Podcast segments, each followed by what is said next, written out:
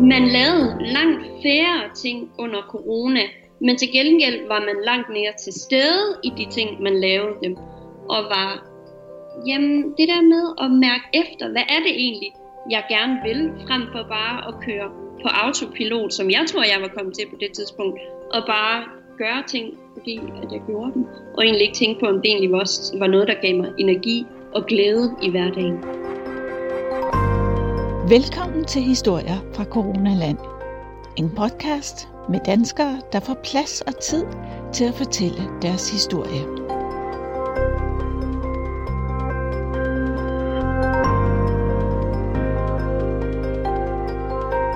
Jeg hedder Marie, og jeg er 23 år gammel. Jeg har sabbatår lige nu, og jeg har haft det siden 2018. Jeg bor i Aarhus, hvor jeg bor i en lejlighed og så har jeg diagnosen medfødt knogleskørhed, hvilket betyder, at jeg har skrøbelige knogler og sidder i elkørestol. Og øh, til dagligt arbejder jeg som foredragsholder, og øh, ellers så har jeg også nogle små arbejde med øh, nogle sociale medier i nogle virksomheder. Velkommen til, Marie. Mange tak. Du postede en video på øh, LinkedIn her, var det i går? Det var det, ja. Så begyndte jeg at tude. det gjorde det næsten os selv. Kan du ikke lige fortælle os, hvad er det, der sker i den video? Ja, jeg øh, lavede en kvote 2 ansøgning til kommunikationsstudiet tilbage i februar og marts. Og øh, det er et studie, der er ret svært at komme ind på. Så øh, jeg gik all in på at lave den her ansøgning, men var stadig uvis om, jeg ville komme igennem nåløjet. Og øh, så valgte jeg at lave en video, hvor jeg både sagde mine tanker med at blive optaget på studie, øh, og hvor jeg skulle tjekke, om jeg blev optaget. Og øh, jeg er kommet hen, hvilket er mega vildt, men også enormt, jamen der er også mange tanker forbundet med det i forhold til, om man kan klare at gå på uddannelse, fordi jeg bare har en lavere udholdenhed. Og øh, blandt andet droppet ud af gymnasiet, dengang jeg gik der, fordi det var for hårdt, om at tage min HF over en udvidet tid, så jeg ikke gik lige så meget i skole. Og øhm, siden dengang har jeg udviklet mig enormt meget, og øh, er ikke under det samme udgangspunkt længere, og tror på, at jeg har fået flere redskaber til at tilpasse mig den her lavere udholdenhed. Men det er helt klart noget, der rumsterer i baghovedet. Men kæmpe tillykke til dig for, at du er kommet ind. Det må være dit drømmestudie. Det er det uden tvivl. Det er virkelig det studie, jeg kan se mig selv allerbedst i, og som jeg virkelig tror kommer til at være spændende. Ja.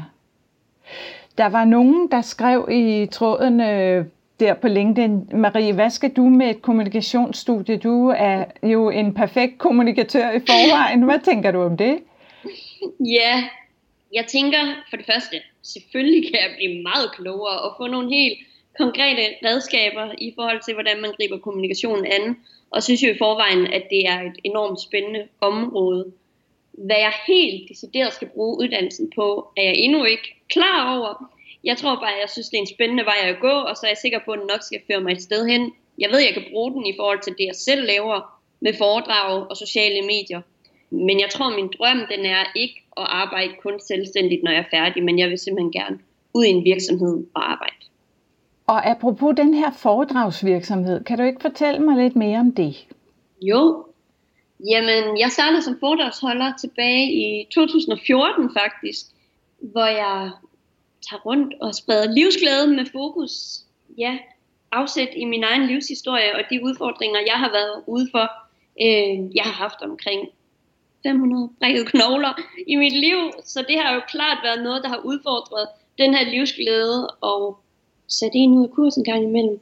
Men hvor jeg jo altid har på en eller anden måde kunne finde tilbage på sporet. Øhm, og nu har jeg i min sabbatår simpelthen valgt at gå all in på de her foredrag, og virkelig bare set, at hvis jeg lægger energien i det, så kan der virkelig komme noget ud af det, og det har bare været ja, mega fedt at kunne have det som et arbejde. ja. Hvad har det givet dig at være ude på de her foredrag? Meget. Altså virkelig meget. Jeg synes, for det første så er det bare fedt, at jeg kan komme rundt og møde så mange fremmede mennesker, som jeg jo aldrig nogensinde havde mødt, hvis ikke at jeg havde arbejdet som foredragsholder. Og så kommer jeg jo seriøst rundt alle steder i Danmark, ude i de helt små byer, og sådan ser så mange steder. Og så er det jo bare vildt fedt, hvis jeg kan komme ud og fortælle noget, og folk kan tage noget med sig hjem. Altså det er jo mega guld værd. Og hvad er det for en feedback, du får fra dine publikummer derude? Jamen både, at jeg kan nogle gange sætte tingene i perspektiv. Øhm, men jeg tror også bare, det er vigtigt at sige, at ja, det er jo ikke fordi, at jeg ikke har det svært nogle gange. Det er vigtigt for mig at sige i foredragene, at det er jo ikke fordi, at jeg bare er glad 24-7. Øhm, men hvis, ja, nogle gange så kan folk tage noget med sig hjem i forhold til ikke at lade de små ting påvirke hverdagen i så stor en grad.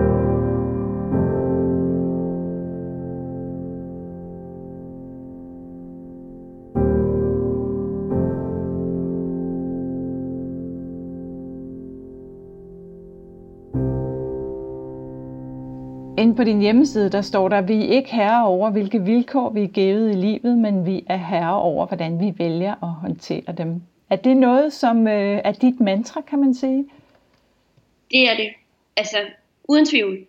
Fordi at jeg bare har oplevet så mange gange den der magtesløshed over for de udfordringer, som jeg har stået over for, hvor jeg hverken har gået til og fra andet end at affinde mig med situationen. Og hvor det jo så udelukkende har været mit eget ansvar at finde ud af, hvad hulen jeg så skulle gøre for at bibeholde den her livsglæde og stadig få noget glæde ind i hverdagen, mens at jeg har haft nogle udfordringer. Ja. Har du nogle konkrete tips, du vil dele her i podcasten? ja, altså første, det er virkelig bare for mig at rumme, at det også er svært. Det tror jeg bare er det første skridt overhovedet, at det ikke skal være sådan overfladisk glæde hele tiden, men også at give plads til det svære, og så, jeg har brugt rigtig meget det med at flytte fokus.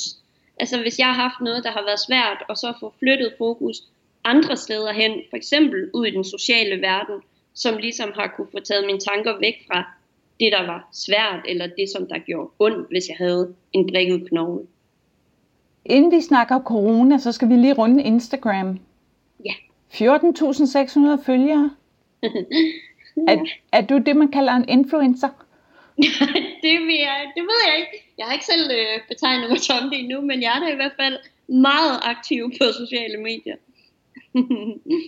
Hvad giver det dig? Det giver meget glæde i hverdagen faktisk.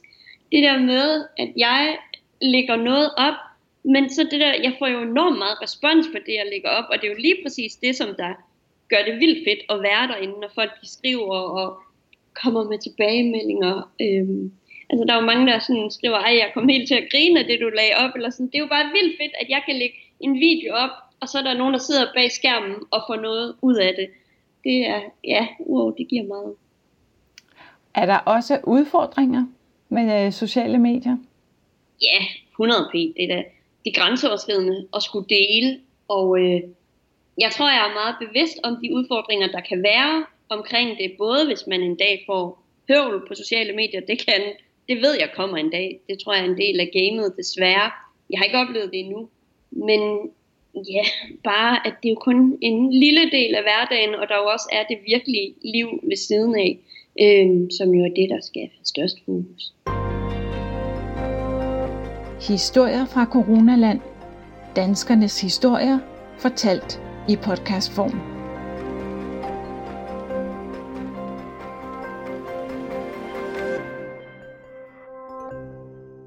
Så kom der en lille virus, der hed corona, for yeah. ikke så længe siden. Marie, øh, hvilke udfordringer har corona givet dig? Jamen, på det personlige plan, så tror jeg, jeg må ærligt indrømme, at det faktisk var positivt for mig at blive reddet ud af den der hverdag. Øh, og at jeg har taget enormt mange gode læringer med derfra, som jeg vil gøre alt for at holde fast i altså kalenderen, den blev jo bare tom på 0,5. Øh, og så var der bare masser af timer i døgnet, som, hvor der ikke var nogen plan. Og øh, vi, min familie og mig, vi endte med at tage over i sommerhuset og være der alle sammen. Og jeg læste noget fjernundervisning på det her tidspunkt, så jeg kunne komme ind på kommunikationsuddannelsen, når de andre arbejdede. Men jeg tror bare, for mig, der har det været det her med, at man lavede langt færre ting under corona, men til gengæld var man langt mere til stede i de ting, man lavede dem, og var, jamen det der med at mærke efter, hvad er det egentlig, jeg gerne vil, frem for bare at køre på autopilot, som jeg tror, jeg var kommet til på det tidspunkt, og bare gøre ting, fordi at jeg gjorde dem, og egentlig ikke tænke på, om det egentlig var, var noget, der gav mig energi og glæde i hverdagen. Så det har givet dig noget ro? Ja, det har det. Ja. Det var så dig personligt, Marie, men har der også været udfordringer for din foredragsvirksomhed? Det var der uden tvivl. Altså alle foredragene blev jo aflyst. Jeg stod også til at skulle holde en TEDx-talk der omkring, øh, som jeg også bare ja, på ingen måde kunne lade sig gøre. Heldigvis så er størstedelen af det bare blevet rykket fremad til efter sommerferien og ud i det nye år, hvilket jeg er mega glad for. Men det udgjorde også klart en udfordring, ja. Men uh, TEDx, det er jo stort. Mm. Skal, du, uh, skal du holde den TEDx-talk på et tidspunkt? Ja, det skal jeg. Datoen den er blevet flyttet til den 23. januar, hvor jeg skal holde den. Og ja, det er helt vanvittigt stort. Det, der er meget spændt. Hvordan forbereder man sig til en TEDx-talk? Ja, jeg har lavet sådan det, jeg skal sige. Så jeg tror bare, jeg skal føle mig 100% sikker i det. Øve, øve, og ja. Men jeg tror aldrig, man kommer til at føle sig 100% sikker. Der skal være lidt nerver.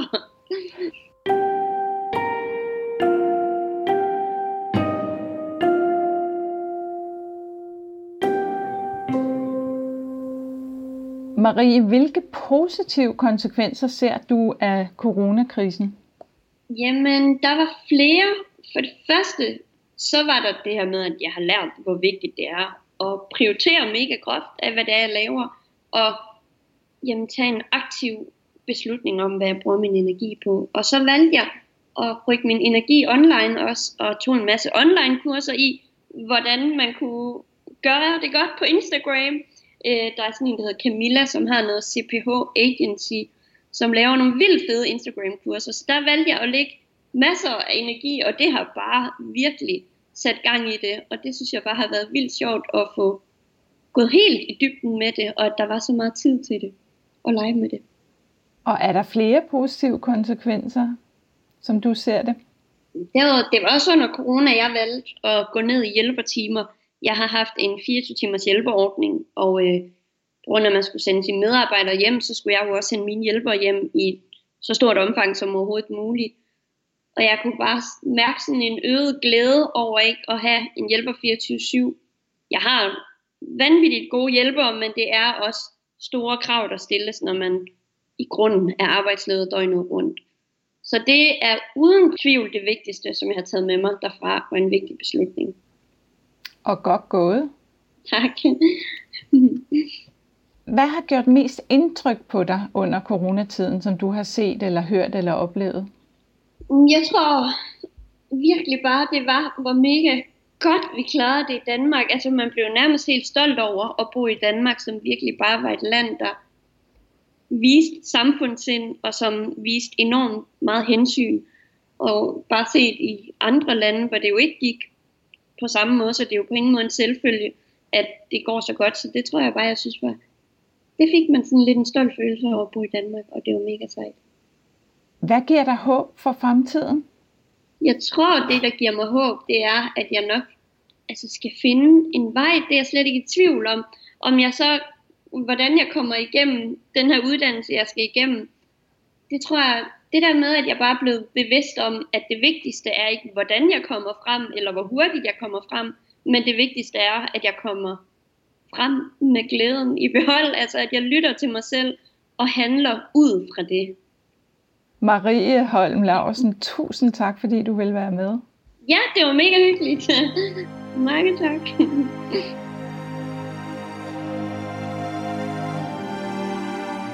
Tak fordi du lyttede til Historier fra Coronaland. Vil du støtte podcasten med et valgfrit beløb, Find historier fra Coronaland på sitet tier.dk, altså 10er.dk, og hjælp mig med at få formidlet flere gode historier fra danskere.